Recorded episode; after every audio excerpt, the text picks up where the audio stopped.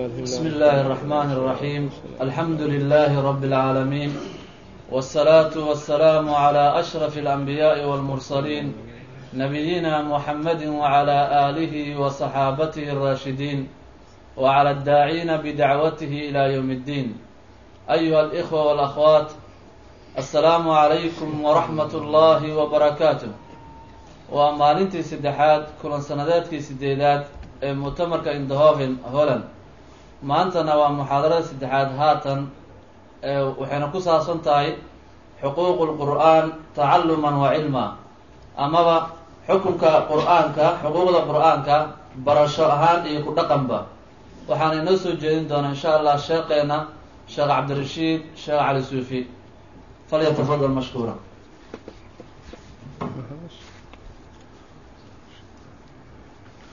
alxamdu lilah نحمده ونستعينه ونستهديه ونستغفره ونؤمن به ونتوكل عليه ونعوذ بالله من شرور أنفسنا ومن سيئات أعمالنا من يهدي الله فلا مضل له ومن يضلل فلا هادي له وأشهد أن لا إله إلا الله وحده لا شريك له وأشهد أن سيدنا ونبينا محمدا عبده ورسوله صلى الله عليه وعلى آله وأصحابه وبارك وسلم تسليما كثيرا أما بعد فأعوذ بالله من الشيطان الرجيم بسم الله الرحمن الرحيم الذين آتيناهم الكتاب يتلونه حق تلاوته أولئك يؤمنون به ومن يكفر به فأولئك هم الخاسرون وقال الله تبارك وتعالى إنما أمرت أن أعبد رب هذه البلدة الذي حرمها وله كل شيء وأمرت أن أكون من المسلمين وأن أتلو القرآن فمن اهتدى فإنما يهتدي لنفسه ومن ضل فقل إنما أنا من المنذرين وقال الله تبارك وتعالى إن الذين يتلون كتاب الله وأقاموا الصلاة وأنفقوا مما رزقناهم سرا وعلانية يرجون تجارة لن تبور ليوفيهم أجورهم ويزيدهم من فضله inahu gafuurun shakuur waladii awxaynaa ilayka min alkitaabi musadiqa lima bayna yadayh inahu bicibaadihi lakhabiirun basiir ثuma awrahna alkitaaba aladiina اصطafayna min cibaadina فمنهم ظالم لنفسه ومنهم مقتصد ومنهم سابق بالخيرات باذن الله ذلك هو الفضل الكبير جنات عدن يدخلونها يحلون فيها من اساور من ذهب ولؤلؤ ولباسهم فيها حديد وqالوا الحمd لله الذي وqالوا الحمd لله الذي أذهب عنا الحزن إن ربنا لغفور شكور وقال الله تبارك وتعالى بسم الله الرحمن الرحيم يا أيها المزمل قم الليل إلا قليلا نصفه أو انقص منه قليلا أو زد عليه ورتل القرآن ترتيلا إنا سنلقي عليك قولا ثقيلا وقال النبي صلى الله عليه وآله وسلم اقرأ القرآن فإنه يأتي يوم القيامة شفيعا لأصحابه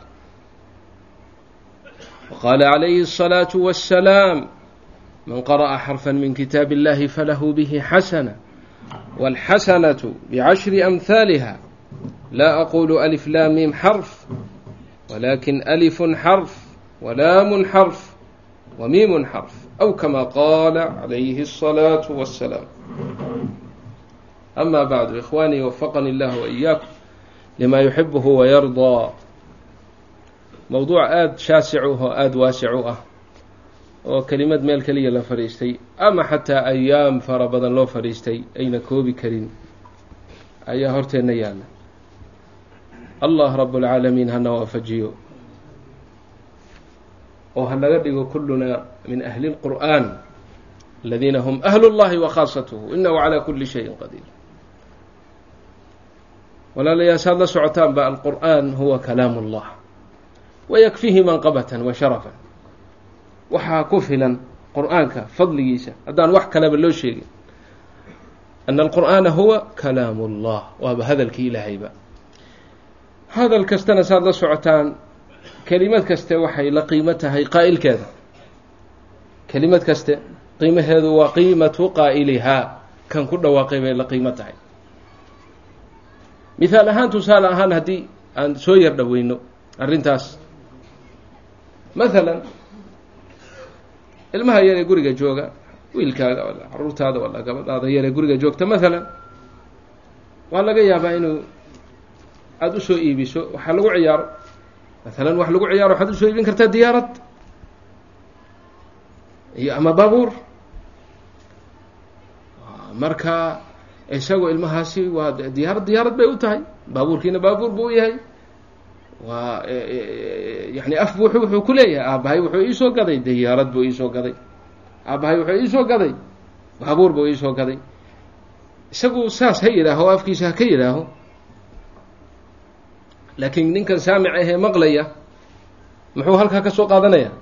Ma diyaaraddan lalshe ee dadka buldaanta geyse ee duushe ee weyn buu u qaadanaya? Mise ulcuuba yaroo lagu ciyaaro u qaadanaya muxuu u qaadanaya? Waljawaabu cindakum. Ya marna ma u fahmayaa aabbaha miskiinka ee meesha iska jooga? Diyaarad weyn buu soo gaday.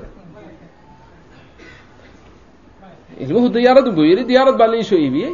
Laakiin inaan ninkii maqlayay wuxuu u qaatay waxa uu u jeedaa inay tahay wax lagu ciyaaro. Wakadalika albaabuur wakadalika guri ha noqdo wuxuu ha noqdo. Maxaa yeelay kelimadaas isaga ayay booskiisii ay taagan tahay. Adigoo sidoo kale yani nin iska maxduuda dakli kuwan lagu tilmaamo oo dakligiisii waxa soo galaa in yaroo iska kooban ay tahay. Hadduu yidhaha gaari wanaagsan baan iibsaday. Ninka hadalkiisa maqlayaa wuxuu u qiyaasayaa lacagtiisi iyo jeebkiisi iyo raatibkiisi iyo mushaharkiisa. Marka booska baabuurkaas u qalmuu dejinayaa hadduu yidhaha baabuur wanaagsan baan iibsaday. Kolla u qaadan maayo baabuurta aada u qiimo leh mercedeska ugu dambeeyey iyo alaabta kale ugu dambeysay la soo saaray. U qaadan maayo wuxuu u qaadanaya gaari iska wanaagsan inuu u jeedo. Laakiin nin boqor ah ama maalqabeen weyn ah hadduu yidhaha gaari wanaagsan baan iibsaday ama guri wanaagsan baan dhistay. Ugu mujarad hadalkaa ka soo baxa waxaa loo qaadanayaa booskii ugu dambeeyey inuu gaaray baa loo qaadanaya. Kadalika adigu imise ma imise goor baad maanta qof salaantay oo uu ku salaamay. In badan soo maha miyaa cidna journaal kugu qortay? Raadiyo miyaa lagaa sheegay laakiin dadka madaxweyneyaasha iyo ru-asada iyo hadday mid salaamaan ama ay salaan u diraan journaalada lagu qoraa soo maha weliba meelaha ka nimida wey meelihiinan ma aqaan inay ku qoraan igi kale. Haddiiba maalan ama uu qof u qoslo ama qof uu salaamo ama waa markiiba waa la qorayaa journaalkaa lagu qorayaa ama idaacadaha laga sheegaya waxaa leeyahay madaxweynihii hebel ama boqorkii hebel boqor kaleu salaan u diray baa la leeyahay bimathaabati qaa'iliha almuhim yaana hadalkaa tusaalaha ku sii dheeraanine maxay idinla tahay hadalkii ilaahay yidhi muxuu noqonaya rab اlcaalamiin maliku اlmuluuk duljalaali wاlikraam allihii koonkan oo dhan sameeyey allihii ilaah kaliya ahaa oon ilaah kale jirin boqorada adduunka joogto oo dhan say u dhan yihiin allihii ay addoommo u ahaayeen ay gacantiisa ku jireen oo suu doona ka yeelayay melikulmuluuki ahaa maalikulmulki boqortooyada naftirkeeda rabbigeedaha yucطi lmulka man yashaau boqortooyada kuu doonay kii siinayey kuu doonana ka qaadayey kuu doonana cisaynayey kuu doonana dullaynayey kuu doonana dilayey kuu doonana noolaynayey wuxuu doonana ahaw odhanayay oo horay ka ahaanayay rabbigaas hadalkiisu muxuu noqonayaa? Kam qiimatuhu? Idaa takalama allah say noqonaysa. Gaflaana dishay oo waxba ma kala ogin. Taysiir ilaahay noo taysiiriyey oo noo sahlay baan maanta qur'aanka la aqriyaynaa mooye. Ma waxaad u malaysa inaan aqriyi kari lahayn wallahi maanaan aqriyi kari lahayn lowlaa taysiirullah ilaahay baa noo sahlay maxaa yeelay buuraha buur iyo dad maa isku mid a buurihii waaweynaa ee xoogga lahaa baa xambaari kari waaye qur-aanka qaala allahu tacaala low anzalnaa hada alqur'aana calى jabalin lara'aytahu khashican mutasadican min khashyati اllah وتلك الأمثال نضربها للناس لعلهم يتفكرون haddaan qur'aankan buur ku soo dejin lahayn baa ilahay leeyahay. Lara'aytahu khaashican mutasadican min khashyati min shiddati اlkhashy ayuu dildilaaci lahaa oo burburi lahaa oo baabi'i lahaa. Fakayfa adigaa miskiinka ahee daciifkaa ah? seed u xambaartay seed u xamiishay waa taysiir min allah. Walaqad yasarna alqur'aana lidikri fahal min mudakirin waa taysiiru min allah walidaalika cadamu macrifadeenna macrifo la'aanteena rabbigeena anaan ogeyn baan anagoo kaafiliina isaga aqrinaynaa ama hadalka ilaahay u maqlaynaa mooye. Malaa'igta waa weyn makhluuqaadka waa jibriil waad maqasheen soo maaha xadiidkii saxiixaha lix boqol oo garab hal garab hadduu fidiyo bayna almashriqi waalmagribi qorax ka soo baxa ilaa qoraxu dhac isqabsanaya hal garab meeqaa soo hadhay hal garab haddii meeshay qoraxda ka soo baxda meesha u dhacda isqabsatay imisaa soo hadhay. Shan boqol sagaashan iyo sagaal xaggee baa lagu fidinaya. Xaggee baase lagu buubaya oo lagu duulaya. Allaha koonkaa sameeyey marka makhluuqaadkaa waaweyn malaa'igtaa waaweyn ee cirka joogta allah rabu اlcaalamiina haddii uu hadlo oo takalama bilwaxyi way suuxayaan min shidaة اlkhashyati lilahi maxaa yeelay macrifada rabbigeena ay u leeyihiin baa ka weyn xadiid fi صaxiix الbukhaari wagayruh yuscaquun markii ay sacqadii ka soo kacaan oo ay madaxa kor u soo qaadaan ayay qaarkood qaarka kale weydiinayaan kuwii hoosaa kuwa kore ee rabbi u dhow weydiinaya oo odhanaya maada qaala rabukum rabbigiin muxuu yidhi khawf iyo khashyo ilahay ilaahay baa hadlay wuxuu ku hadlay ma oga wax la xukumi doona garan maayaan laakiin ilaahay baa hadlay baa agtooda wax weyn intay ka noqotay bayba la suuxeenba saciquu falamaa afaaquu sa'ala bacduhum bacdan rabbigeen muxuu yidhi markaasay u jawaabeen qaaluu alxaqa wahuwa alcaliyu اlkabiir fi suurati saba waatuu ilaahay ku sheegay uu leeyahay walaa tanfacu الshafaacatu cindahu ila liman adina lah xatى إida fuzica can quluubihim qaluu maada qaala rabukm qaaluu alxaqa wahuwa alcaliyu alkabiir marka walaalayaal qur'aanka ilaahay waa wax weyn weeyaan waa cadiim weeyaan. Muslim mu'min mu'mina qur'aanka ka qatan ka qatanaan karaana ma jiro. Ninkii jawfkiisa qur'aan uuna ku jirin muxuu nebigu ku tilmaamay fi lxadiidi saxiix kalbeyti alkharibi ina aladii laysa fii jawfihi shay-un min alqur'aani kalbeyti alkharib waa beyt kharib ah waa beyt oo qashinqub ah oo qabyo ah oo laga kala tegey beytka guriga qashinqubka ahee wasakda iyo lagu soo daadiya ee qabyada maxaa u hoyda? Ma'wiga waa maxay? Alhawaam walwuxuush waxyaalaha xunxun oo dhan baa u soo hoyda. Kadalika qofkii laabtiisu aynan in yar oo qur'aanka walow haba yaraatay aysan ku jirin waa beyt kharib ah. Waxay ma'waa iyo hoy u noqonaysaa shayaadiin iyo wasaawis iyo balaaye iyo jinni iyo waxaan agagsanayn bay u noqonaysaa ilaahay qur'aanka hana siiyo kulligeenba inahu calaa kulli shayin qadiir. Mu'min qur'aanka ka qatanaan karaa ma jiro. Walaalayaal saas awgeed awalan wa kulli shay. Qur'aanka inaanu baranno. Awalan inaanu baranno. Ilaahay baa nagu taxriidiyey rabbulcaalamiin ayaana amray inaanu aqrino. Awal kalima nazla min alqur'aan oo nebiga ku soo degay iqra' baa la yidhi. Iqra' bismi rabbika aladii khalaq. Khalaqa alinsaana min calaq iqra' warabuka alakram waإida quri'a alqur'aanu faاstamicuu lahu waansituu lacalakum turxamuun ilaahay baa nagu taxriidiyey oo aayadihii hadda aan ku bilaabanay oo kale ilaahay wuxuu tilmaamayaa fadliga ay leeyihiin dadka kitaabka ilaahay qur-aanka ilaahay aqriyey oo siduu ilaahay jecel u jecel yahay u aqriyey kuna camal falay qiimaha ilaahay agtooda ay ka leeyihiin iyo fadliga iyo dheeraadka ilaahay uu siiyey nabigeenuna calayhi الsalaatu wassalaam in badan buu noo soo dhoweeyey oo na fahansiiyey oo amhilo fara badan noogu tilmaamay fadliga iyo dheeraadka uu yeelanayo. Yacni ciddii qofkii ilaahay qur'aankiisa uu siiyo. Allah naga dhiga kuwaas ee ku camal fala. Axaadiid fara badan oon halkan lagu soo koobi karin ayuu nebigu u sheegay calayhi الsalaatu wassalaam.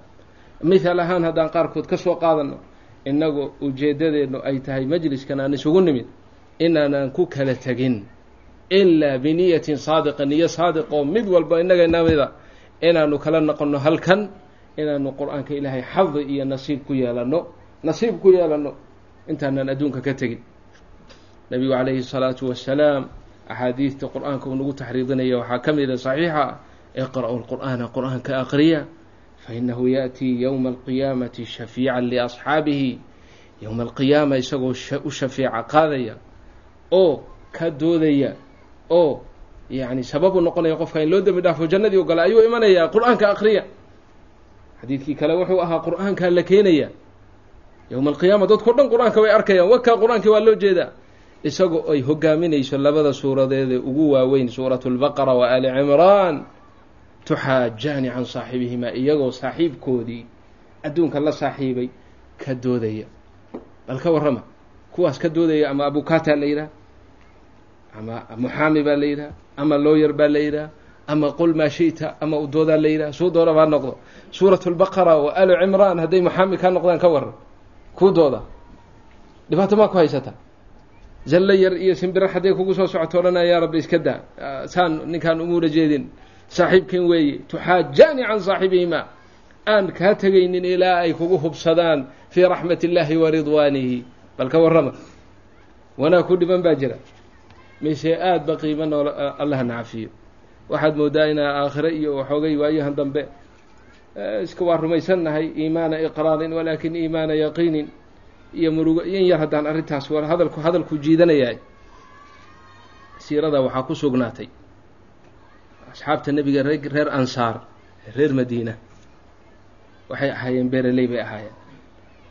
Beeraha beertay timirtay beeran jireen beertaasi biyay u baahan tahay meel fog bay waxay dhaan ka doonan jireenoo ay ku waraabsan jireen awrtay soo dhaansan jireen. Ka bacdi markii islaamku xoogeystay. Waa raggii hadda yani khayr oo dhan lahaa. Islaamka meel alla meeshii ma aragtay. Cadaada laisaga hor yimaado iyagu kuwa ugu horreeya cadadka ugu fara badan shuhada shuhadada iyagoo ay ahaayeen. Ansaar bay ahaayeen ansaaru rasuulillahi. Waxaa la yidhi hadda maadaama islaamku u quweystay nebigaan intaan u tagno aanu ka dalabno awood xoog ciidan inuuna siiyo oo aanu tog jeexano oo toggaas markii aan jeexno. Roobku markuu yimaado oo buuraha uu ku soo dego toggaa biyuhu ay noo soo maraan. Dabadeedna aanu ku waraabsanno beerihii oo aan ka raysanno dhibkii maaragtay dhaanka een meel fog ka keeni jirnay arrintaasay go'aansadeen wafdi bay iska soo saareen. Rasuulullah sala allahu calayhi wasalam ay u soo direen. Wafdigii baa yimid markuu nebigu arkay wuu soo dhoweeyey calayhi salaatu wassalaam wuu gartay dan inay u socdaan waraxaba bihim laba jumluuna nebigu yidhi calayhi salaatu wasalaam jumladii hore wuxuu yidhi maanta waxay weydiisan maysaan oo agtayda yaalla? Ilaa waan idin siinayaa. Taas waa mid tan labaadna wuxuu yidhi ilaahayna maanta wax idiin weydiin maayo ilaa wuu idin siinayaa. Tan hore iyada dhib kumay hayninoo way ogaayeen nebiga calayhi salaatu wasalaam wuxuu hayo. Dee cidnaba ma umaba diidin ba laa maya maba uusan aqoonba calayhi salaatu wasalaam waxaaba wiluu awow u yahay ayaaba nin ammaanaya wuxuu yidhi ma qaala laa qatu ila fi tashahudihi lowla tashahudu kaanat laa-uhu nacamu laa weligii ma odhanin buu yidhi ilaa markuu ashhaadanayo mooye haddayna ashhaado jiri lahayn laadiisu nacamu bayba noqon lahay. Ee ashhaadada allah ka keentay zaynulcaabidiin nin ammaanayey oo nabiga axfaadiisii ahaa alayhi sala calayhim assalaam ayaa saa yidhi fa kayfa birasuuli llahi sala alla alay slam nimanka ansaartii waxay marka la yaabeen tii labaad oo ahaa ahayd yaa rasuula allah nabigu wuxuu yidhi ilaahay wax idiin weydiin maayo ilaa wuu idin siinaya taasaa la weynaatay. Dib bay intay isu jalleeceen oo isu fiiriyeen ba waxay dhaheen. War ma maqlaysaa nebigu wuxuu yidhi haa ilaahay maanta wax idiin weydiin waayo ilaa wadisiinaya soo maaha alla ilahay intahisuuha fursatan wasaluuhu lmaqfira furso ka dhigto oo yayna fursana idin dhaafine oo maqfiro iyo dembi dhaaf weydiista nebiga inuu ilahay idin weydiiyo. Dantii u socdeen waaba iska waaba ka leexdeenba. Waxay dhaheen yaa rasuul allah jiinaaka waxaan kugu nimid. Oon kaa doonaynaa inaad ilaahay noo weydiiso maqfira aada noo weydiiso. Dabadeed nabigu nebi ilaahay buu weydiiyey maqfiradii allahuma kfir lilansaar wa abna'a alansaar wa abna'a abnaa'i lansaar ansaar. Iyo kuway dhaleen iyo kuway sii dhaleen iyo kuway sii dhaleen. U dembi dhaaf. Sidii bayna ku soo noqdeen. Dantay u socdeenna maxay ahayd kow ma u malaynaysaan wayna naga iimaan badnaayeen walaa shaka fi hada iimaanuhum kaljibaal waxba isumaba ismaba barbardhigi kara iimaanka iimaankooda iimaankeenna iimaankooda yaqiin kaamil ay lahaayeen haddii ay nebiga odhan lahaayeen yaa rasuul allah marba haddaabaad fasaxa ilaahay ka haysato maanta waxaan ku weydiisanay inuuna siinayo. Dee in yaroo waxoogay yaroo ciidan oo god yar halkan noo qodaabanu doonaynay webi ha noo jeexo sida webiga masar ku yaalla oo kale niil iyo furaad iyo lababa kama shakinayaan. Ilaahay inuu yeeli lahaa lianna idni buu haystaa musbaqa oo nebiguusu haysta calayhi salaatu wassalaam haaniyan ilaahay waa qaadir calaa kulli shay. Ilahay isaga waxbaba u baahan kulli shay kun buu odhanayaa fayakuun meeshaan biyo kama soo baxaan miyaa ilaahay celinaysa laa yucjizuhu shay soo maa taas annaga og miyagaan ogeyn waa og yihiin. Nebi muuse calayhi salaam bay qoomkiisii dhaheen biyo noo dalabo ilaahay uu biyo weydiisto meel kale lamaba aadinine dhagax amlaso halkan is iska ingegan baa layidhi ushaada ku dhufo ushiibuu ku dhuftay. Laba iyo toban il oo burqaday oo laba iyo toban qabiil kaafiyey oo waraabiyey baa ilahay ka soo saaray. Dhagax amlas oo ingegan.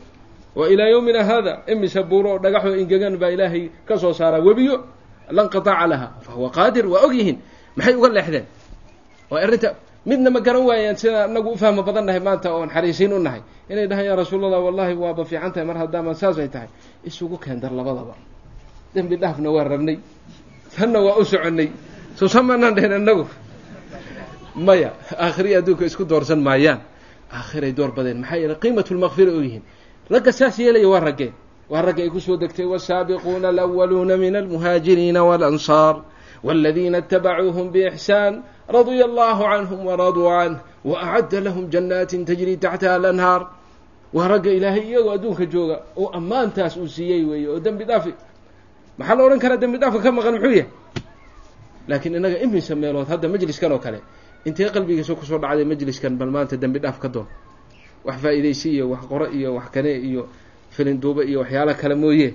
Yaa qalbigiina in yar kaga soo dhacday. Majliskan la isku yimid. Dembi dhaaf ka qaado haddayna hadda kugu soo dhicinna haddaba qalbigaaga u sheego wixii aad ka tirsataa ilaahay ku siinaya majaalista ilaahay laysku xuso ee laysugu yimaado dembi dhaaf baa lagu helaa.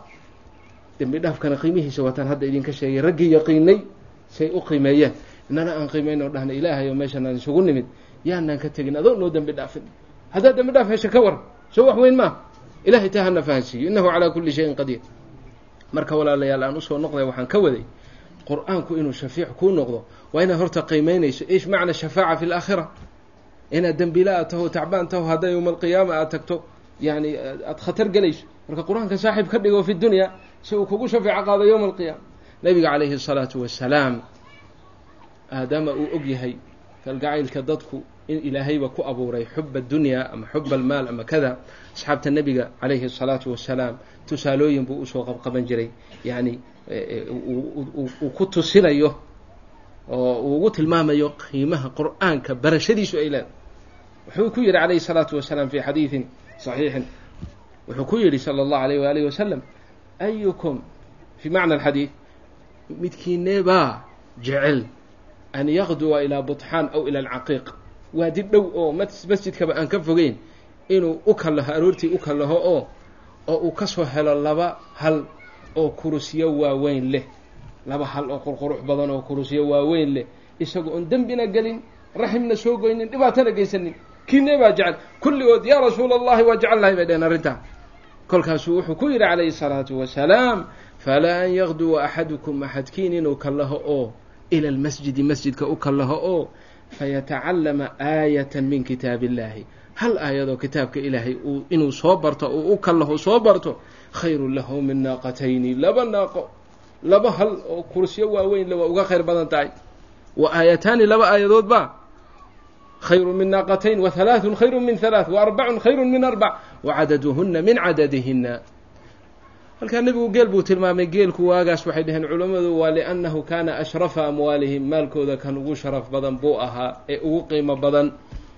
Baciid ma ahay dhaheen dadka culimmada qaarkood zamankan haddii waxyaalahan dadku ay jecel yihiin sida baabuurta oo kale lagu mithaal qaada yacni tusaale ahaan la yidhaaha inaad masjidka tagto kiineeba hadda meeshaan jecel meelaan ka fogeyn oo meelahan magaciina idinkaa yaqaana ee laamigan intaad ka tallowdid baabuurka ugu dambeeyay mercedeska ahee xamraa ahee gaduudan adigoon dembina gelin dhibaatana aad ka soo qaadato kiimeenee baa jecel halkan kulligiin soo maaha.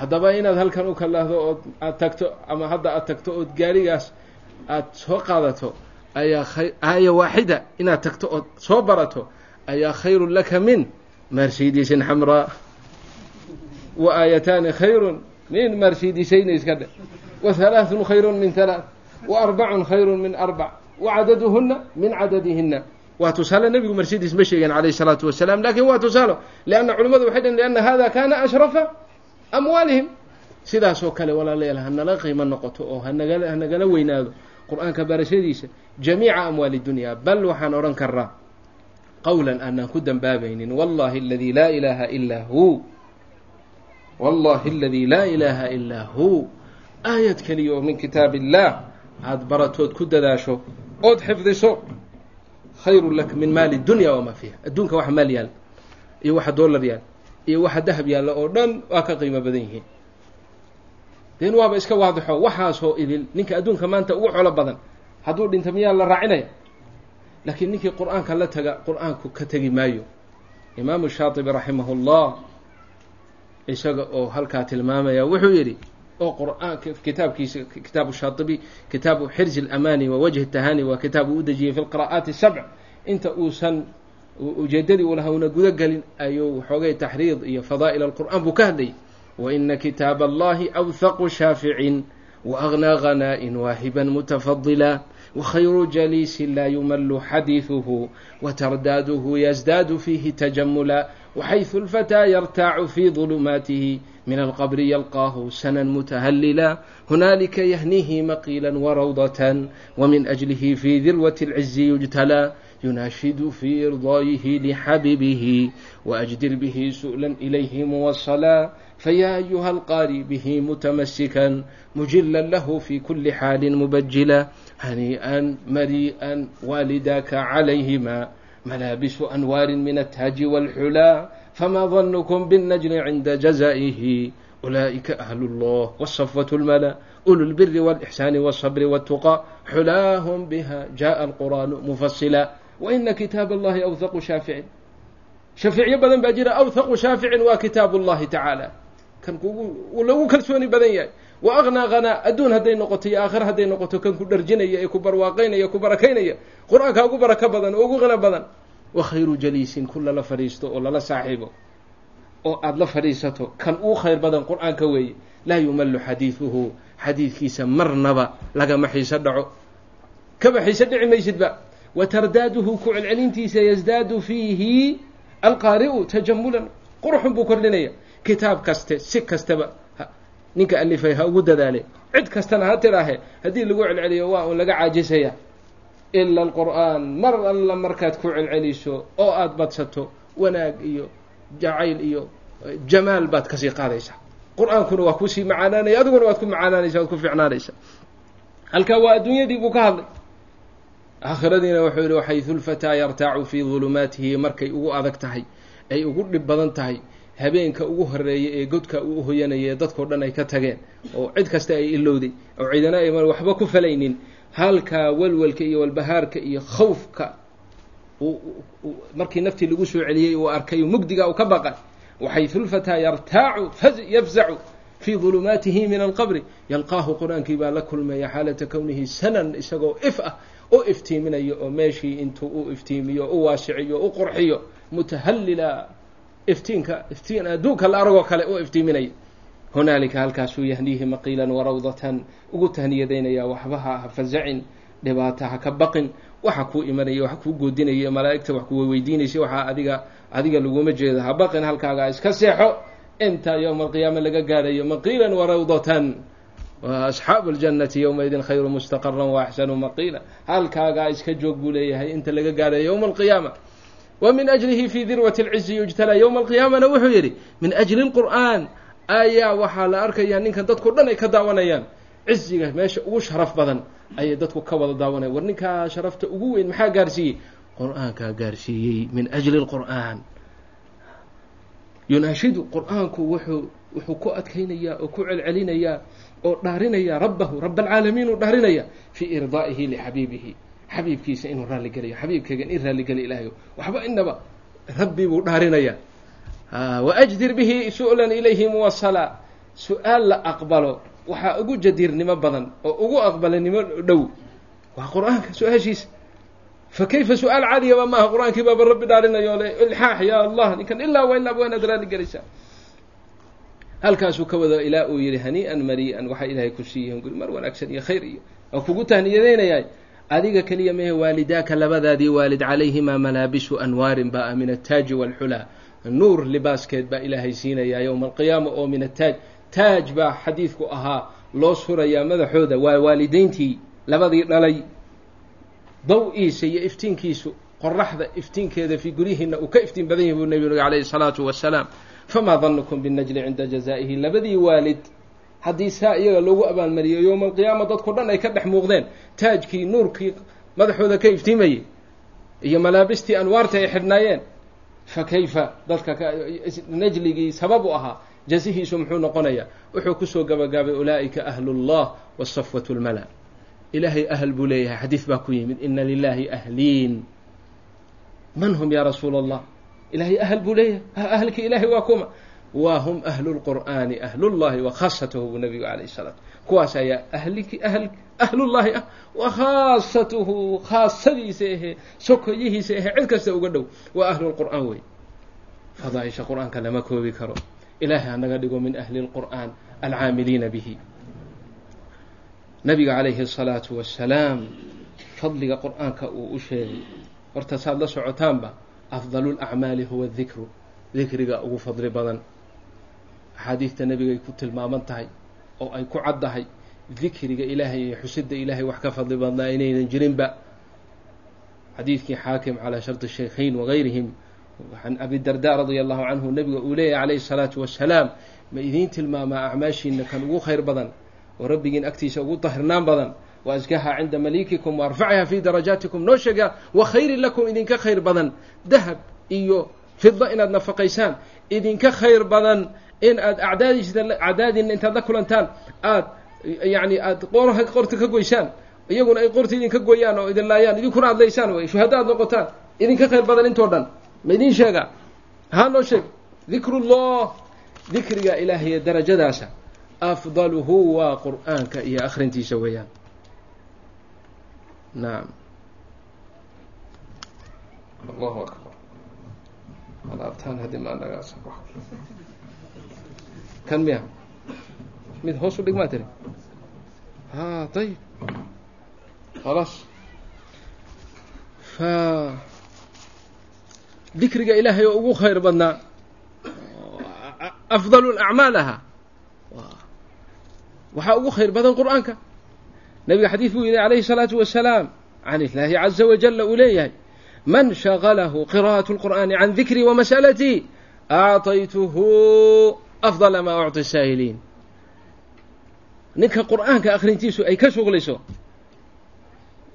dikrigayga iyo su'aashayda iyo ducadayda ay ka mashquulayso waxaan siinayaa waxaan kuwa daakiriinta ah ama kuwa waxay weydiisanaya wax ka fadli badan baan yaan siinaya ilaahay baa le jala jalaaluhu ilaahay wuxuu yidhaha waxaasaa ka fadli badanna fa kayfa yakuun marka walaalayaal horta marka ugu horeysa kulligeen aan casmi la nimaadno niyo saadiqa aan la nimaadno qur'aanka sida ugu wanaagsan ee ilaahay uu jecel yahay inaynu horta u baranno. Bismi illaah taa mid weeyaan tan labaadna qur'aanka barashadiisa walaalayaal laysa bimacsuur cidna kuma adka. Ilaahay waa fududeeyey subxaanahu wa tacaala odayga waa u fududdahay dhallinyarada waa u fududdahay yaryarka waa marka loogu jecel yahay in qur'aanka la baro. Zaman kalean ku jirnaa oo wax kalaa meeshii booskiisii galay laakiin qur'aanka inay bartaan. Taariikhdeenii hore iyo zamankeenii hore dadku waxay waxaan anaguba soo gaanay anagoon haddaba dee anigu duqna aada uma siihiye annagoon aadba maaragtay anaan u sii weyna waxaan soo gaanay ilmaha inaan iskool iyo waxba la geynin iyagoon qur'aanka dhammayn. Soo gaadheen sheekhu mise maya qur'aankay horta dhammayn jireen oo korka ka qaban jireen. Ka bacdi baa iskuol iyo waxyaalo kale lala aadi jiray. Marka qur'aanka cid kasta way baran kartaa adoo weyn baad baran kartaa almuhimi niyo saadiqana ha kaa timaado asbaabtii ugu sahlanaydna halkaa waa inaad ka qaadataa ayib liajli hada waktigu waa iska ciriiri. Yani fadaa-isha intaasaan ku soo gabagabayneynaa. Fadaa-il fara badan baa qur'aanka ku soo aroortay. Waxaan marka walaalahin ku taxriidinayaa dhammaanteen. Naftaydana aan ku taxriidinaya kulligeen aan isku boorinaynaa. Qur'aanka aan saaxib ka dhigano zamanulfitan baa la joogaa. Zaman dhibaatooyin fara badan ay jiraan baa la joogaa. Zaman ilaahay aada loo ilooway baa la joogaa. Zaman waxaa la joogaa. Ku tilmaaman oo zaman kaga tilmaam badan aysan jirin. Ninka diintiisa haystaa nin dhimbil dab ah gacanta ku haya inuu yahay. Dhimbil dhimbil dab ah gacanta ku haysta uu yahay. Malja-eeno iyo iyo meesha aan u caranayno qur'aanka ha noqdo narjic ila allah wa ila lqur'aan qur'aanka ha noqdo. Qur'aankaan ku dadaalo marka caam ahaan waxaan leeyahay cumuuman waa inaan horta qur'aanka ku dadaalo oo aanu baranno. Oo sida ugu wanaagsan aan u akrisano werdina aan samaysano taayaysan idhaafin haddaadan werdi yeelanin xisbi mucayan aadan yeelanin oo maalin kasta aadan isku go'aaminin go'aan ka dhiganin in werdi mucayana qur'aanka aada aqrido ood bishii mar dhamayso maalan yacni labaatanka cisho mar dhamayso labadii toddobaad mar dhamayso haddii ilaahay ku waafajiyo dadka aada u fiican kaa dhigayna toddobaadkii mar dhamayso haddii kalena intaas ka sii yarba aada mar dhamayso ilaa aakhirihi wardigaa inaad samaysato horta waa lagama maarmaan. In bimacnaa naftaada aada u dayso markaad firaaqo heshin aad qur'aan akriso adiga qur'aanka waa ku kala tegaysaan caam ahaan waa inaan horta qur'aanka sidaas wardi u yeelano wardigaas ka dhigo laasim oo naftaada ku laasimo haddii ay ku dhaafto ama si uun aada u gafto alle oo aqri waktigaa mucayanka ah bil haddaad qabsatay ama ka badan ba ad qabsatay almuhim waktigaas yayna kugu imanin adiga oon qur'aan ka dhamaynin. Laasim isaga dhig. Wax kaa mashquulinaya arrintaa. Oo kaa hortaagan ma jiro ilaa nafsuk wa shahwatuk washaytaan shaydaanka iyo naftaada oo og qur'aanka. Wa huwa kalaamu اllahi tabaaraka wa tacaala. Wa huwa shifaa. Wa huwa xirzun min kuli shay. Khidlaankaaga u taagan moogay wax kaa hortaagan ma jiro. Awqaado waasic weeyaan taa waa cumuuman baan u odhanaya khusuusan dhalinyaro fara badan baa meelahan joogta oo qaarkoodaan is aragnay. Oo dadkii ilaahay markii hore qur'aanka siiyey ahaa filbilaad ahaa balaayadan iyo gaaladan iyo waxyaalahan jinni baa la soo dhex galay meelahana la yimid. Haddaan qaarkood weydiiyey ama warsaday waxaa la sheegay qur'aanka in la iska gacan bidixay inaan la akrininba qaar waxaa leeyihi qur'aanka waxaaba la fiirfiiriyaa oo la soo qaataa markii ramadaan la gaadho. Kayf seed ku noqonaysaa min ahli lqur'aan subxaana allah cumuuma muslimiin waa laga doonaya inay akriyaan fakayfa wa anta ahlu lqur'aan waa inaad werdi mucayana aada yeelataa awriya laba iyo siddeetankii wala saddex iyo siddeetankii maraan arday ka ahaa fi fi lazhar oo fi tacliimi alqur'aan ayaan mar fasax u tegay fi lbilaad marka waalidkii raxmat ullaahi calayhi yaa halkaa joogay wuu i weydiiyey. Awal su'aal awal su'aal inay tahay yaanan ku dambaabin laakiin almuhim su'aalihiisa tan ugu muhiimsan bay waxay ahayd imaysaad qur'aanka ku dhamaysaa marka alxamdulilah intaan halkaa joogayaan ardayga ahaa toddobaadkii mar baan dhamaynayay toddobaadkii iguma dhaafi jirin. Fi kuli sabcati ayaam aqra. Waan dhamayn jiray. Saasaan u sheegay. Fama rtadaa bidalik raalli kuma noqonin. Igagama raalli noqonin. Bal waxoogay wa igu canaantay. Wuxuu yihi arrintaas inaad usbuuci mar qur'aan ka dhamayso waa licaamati lmuslimiin muslimiinta caamadeeda iskale amaa dadka qur'aanka ilaahay gaar ahaan midda kalena aada firaaqa tahay ood ar tahay oo aadan waxba haynin. Maxaa toddobaad dhan kugu simaya intaad qur'aanka ka dhamaynayso shantii cisho mar iska dhammay afartii cisho mar iska dhammay isaga ayaa werdigiisa uu ahaa saddex cishaba inuu qur'aankii mar dhameeyo anigu ku odhan maayo weri sidooda o kale saddexdii cisho mar dhammay laakiin afartii cisho mar shantii cisho mar. Allahna waafajiya insha allahu tacaala. Marka ahlulqur'aan waxaan u soo jeedinayaa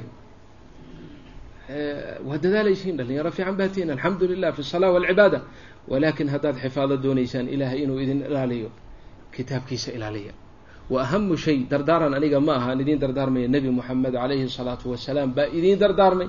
Tacaahaduu hada alqur'an fawaladii nafsu muxamedin biyadihi lahuwa ashaddu tafallutan min alibili fii cuquliha waa ka nebigu calayhi salaatu wasalaam uu noogu tilmaamay. Sidaas awgeed waxaan aan ka faa'idaysana majliskan aan isugu nimid min alaan go'aan gaad.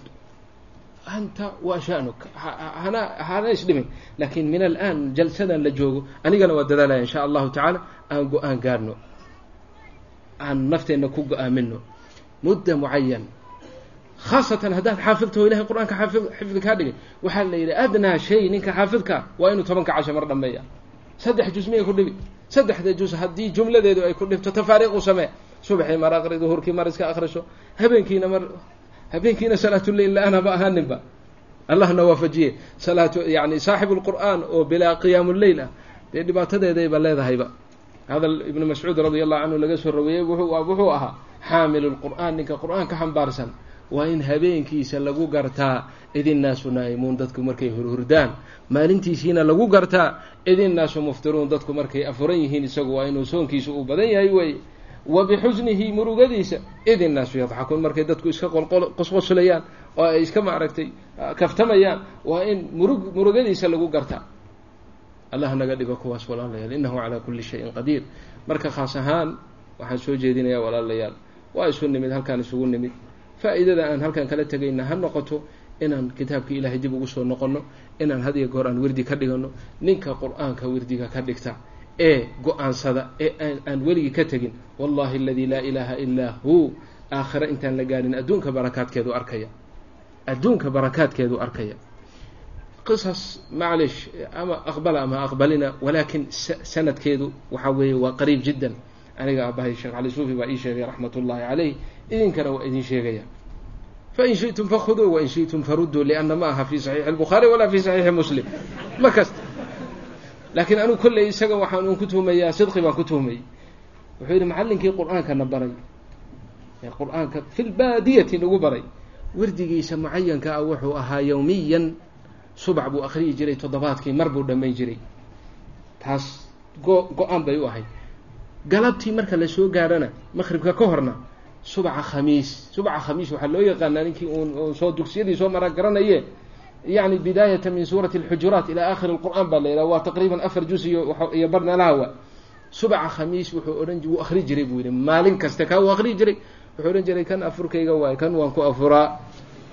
Kan kalena had iyo goor maalin kaste subcaasuu akrin jiray buu wuxuu yidhi macalinkaygii macallim cali baa la odhan jiray buu yidhi markii wafaadku uu ku yimid xaalatu sakrati lmowt ardadiisii wuxuu ku yidhi waxaad yeelaysaan marka aan dhintoodii aastaan ha iga tegine jooga qabriga oo haddaad maqashaan qur'aanka meeshii aan ka wadi jiray inaan ka wado oon akrinayo. Oo qur'aankii meeshii aan ka akrinayo aan ka akrinayo khayr baan ku sugnahay iska taga. Haddii kale ood iga maqli weydaan qur'aankii meeshii aan ka aqriyi jiray inaan ka aqriyo subcii meeshaan ka bilaabi jiray inaan ka bilaabo haddaad iga maqli weydaan waa dhibaataysnahay ducada iisoo badiya. Saasuu yidhi buu yidhi ardadii waa la qaaday waa la aasay. Maalin jimca la aasay. Habeen sabti soo gelayso.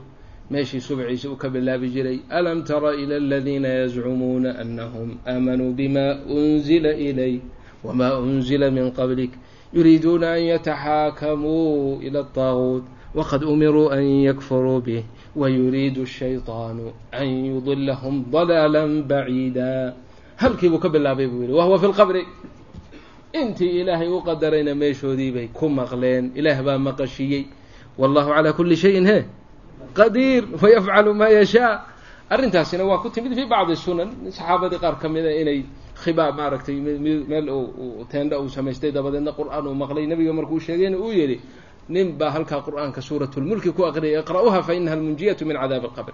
Cumuuman aniga saan idiin sheegay waaye sanadkeedana qariib waaye laakiin idinka idinla jirtaa ama qaata ama ha qaadanina walaakin wallahi aladi laa ilaha illaa hu barakaat alqur'aan ninkii saaxiib ka dhigta fi dunya qabla alaakhira ayuu helayaa walaalayaal asbaabtan adduunyada iyo waxyaalahan iyo yooro yooradan iyo dollar dolloorkan iyo waxyaalahan yayna naga mashquulinin qur'aanka ilaahay aanu saaxiib ka dhigano guryaheennana aan ku camirano gurigii suuratu lbaqara lagu aqriyaa shaydaan u soo dhowaan maayo. Waxaa maanta guryaheena wada shaydaan ka wada dhigay. Oo mashaakilka iyo dhibaatadii dee qur'aan baabana ku aqriyayninba guryaha aan ku akrisano oo masaajidada aan ku akrisano oo werdi aan ka dhigano taa horta aan ku dadaalo. Mid labaad waktiga waaba iska yari hasaan idiin sheege fi tacliimi alqur'aani waa inaan tajwiid ku barannaa waa inaan tajwiid ku barannaa naqra'u lqur'aan bitajwiid asheikh raxmat ullahi caleyhi waalidka wuxuu noo sheegay tajwiidka iyo cilmu lqiraa'aat iyo cilmigan cumuuman waddankeena fi somaal caan buu ahaa waa la yaqiinay fani la yaqiinay buu ahaa laakiin indiraas baa ku dhacay fatra min azaman ima ima inqilaabaat siyaasiya ama mashaakil ama waxun baa dhacay indiraas baa ku dhacay buu ohan jiray markaa isagu noo sheegayo wuxuu leeyahay qabla mi-at sana aw kada waxay ahayd buu yidhi macalimka anaa harta dhagahayga ku maqlay wuxuu yidhi macalim dugsi ma qaban jirin ilaa laga dhagaysto xifdan kitaabu shaatibiya xirsu lamaani wa wajhu tahani waa nadmi waa kun boqol saddex iyo toddobaatan bayd weeye ilaa laga dhagaysto iyo laamiyat lafcaal oo sarfiga oo u yar khidmaysa iyadana ilaa labadaa kitaab bacda alqur'aan dugsi looma dhiibi jirin buu yidhi.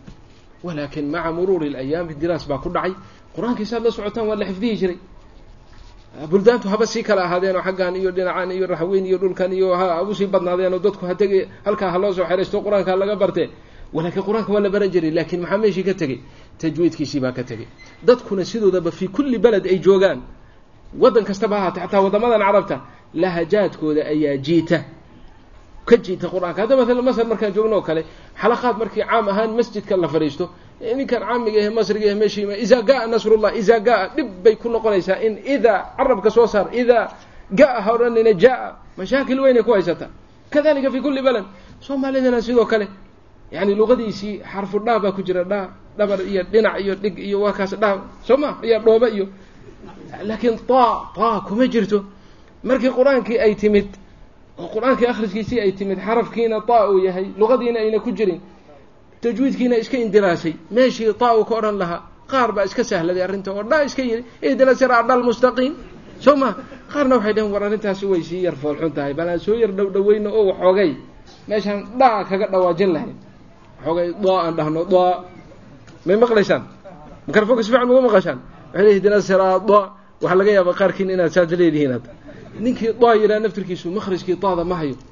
Adaa fi luga alcarabiya waa daa min طaraf الlisaan maca usuuli hanaaya alculya taa halkaasuu ka baxa waxay walaala yihiin daalka iyo taada isku meel bay ka baxaan haddaad kasi weydo ood garan weydo oo taa odhan weydo daa iska dheh aniga saa ma fatwoonay sheekh ali suufi baa fatwooday raxmat ullahi caleyh wuxuu odhan jiray wadaadka sheekha ismoodaya ee waxbaan tajwiidinayaa leh ihdi acuudu billahi min ashaydaani odhanaya waxaa ka fiican buu ohan jiray habarta cajuusada acuudu billahi min ashaydaani odhanaysa maxay saas ku noqotay buu odhan jiray lianna habartaasi iyadu makhrajkii mayna gafine sifatulxarfi bay gaftay shaydaani markay tidhi xarafkii makhrajkiisii mayna gafine sifadiisii bay ka tagtay laakiin wadaadku makhrajkiiba ma hayo mushkilada uga weynna makhrajkii buu ku dhacay dhibaato weyna marka halkaa ka dhici jirto markay xalaqaadka la soo fadhiisto war daa ha odhanine taa dhe taa taada marka bal daa iska dhe bal daa daa un iska dhe hidina siraada iska dhe taasaaba ka roon soo maad garan maxaan ka wadaa indiraaskaasaa ku dhacay qaynkaoo kale luqadeenna kuma jiro. Galab iyo gabar iyo ga waa ku jirtaa. Ga-na waa ku jirtaa ga. Oo sida magool iyo magad iyo ga-na waa ku jiraa ga-na waa ku jiraa soo ma? Labadii baa loo kala baxay qaynkii waaba la iska daayay. Gayrilmaga qaar baa iska yidhi. Qaarna waxay dhahan waxoogay aan gayrilmaga dhahno. Fastagfiruu aan dhahno. Labaduba ma hayaan. Xarfulgayni waa gaa makhrajkiisii waa in lala doonto. Maxaa kuu sahlaya? Arrintaa ku ku taysiirinaya. Bitajwiid. Marka dhibaato badan baa sheekhu raxmatullah caleyh kala kulmay inuu dadkii zamankaas uu ku qanciyo.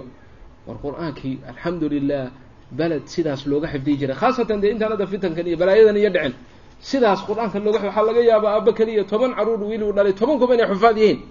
Laakiin mushkiladii maxay kaga dhacday? Maafi tajwiid male tajwiidkii ma jiro. Marka tajwiidkii inaan ku noqono oo qur'aanka markaan xifdinayno bitajwiid aan ku xifdino taa aan ku dadaalno waa min xuquuqi alqur'aani alwaajibati alakiidati bay ka mid tahay. Midna iska ilaaliya zamankan oo internetkan iyo alaabtan iyo waxyaalahan iyo la furfuray oo meela fataawi fara badan. Waxaa laga yaaba in dhegtaadu ay ku dhacday mar nin dad yidhi tajwiidkani waajibba ma ah war tajwiidka waajib ma aha ninka dhahaya hanoo sheegay see qur'aanka u akrinaa see loo akriya bal ninka yidhi tajwiid waajib ma aha qur'aankaa see loo akriyaa hala weydiiyo. Maxaan ku akriyaynaa calaa ayi ariiqa see haddaabad qur'aan akriyayso qur'aanba haddaad akriyayso waa inuu quraadii ku aroorsadaa quraadii qur'aankana soo gaarsiiyey tobanka qiri ee mutawaatirka ee qiradoodu saxiix tahay bikayrihim aan qur'aan lagu aqriyi karin nin tajwiid la'aan laga sheegay ma jiro fa ayna tadab xaggee aadaysaa mar haddaad tira tajwiid waajib ma allahuma ilaa haddaad ujeedid tajwiidkan cilmiga ahe nadariga waajib ma aha waa nacam saxiix yacni inaan ogaado inaan idaa jaa inaan mado waa camali waayo waajib buu ugu yahay. Inaan saa u mado idaa jaa ma odhan karo waa khata. Ayib laakiin inaan ogaado mad waajib mutasil ah bisababi alif iyo hamze kulantay awgeed ayaa madkan waajiba u noqday fii kalimatin waaxida ku kulmay. Taa inayna waajib u ahayn waa dhici kartaa in saa uu fatwoodo. Ama inaan ku dhawaaqa fa waajibun. Muttafaqun calayhi cid akhrisay bilqasri ma jirto. Saas awgeed tajwiidka aan ku dadaalo.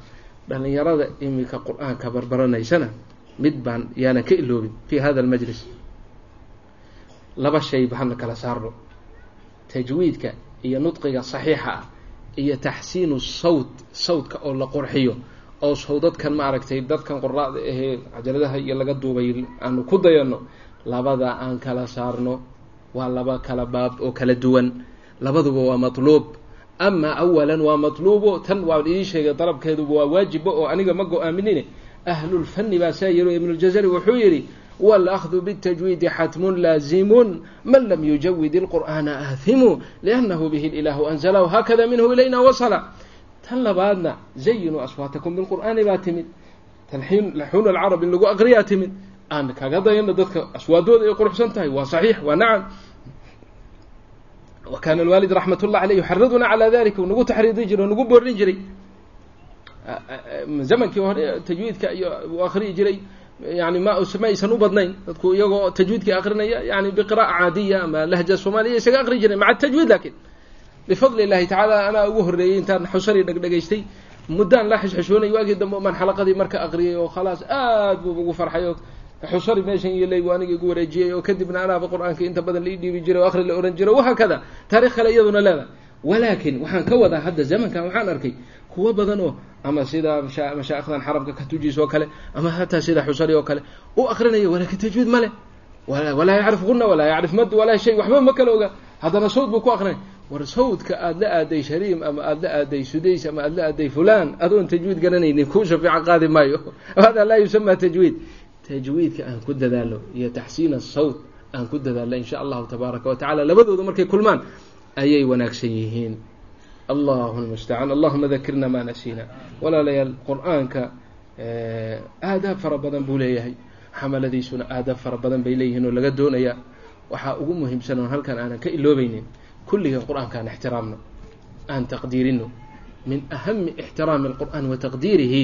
Allahna waafajiyey markaan aqrinayno inagoo weyse qabna inaan aqrino qiblada u sii jeedna inaan aqrino intaba keyrkeed waa la aqriyi karaa laakiin saasaa wanaagsan waxaa iyadana taxriidiga a iga boorin ah.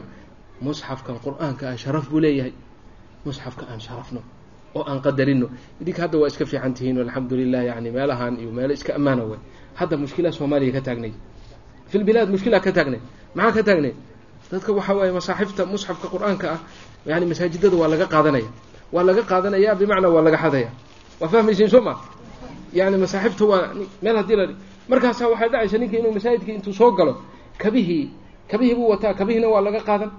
Musxafkiina waa laga qaadan marka kabihii iyo musxafkii buu isdul saaraya.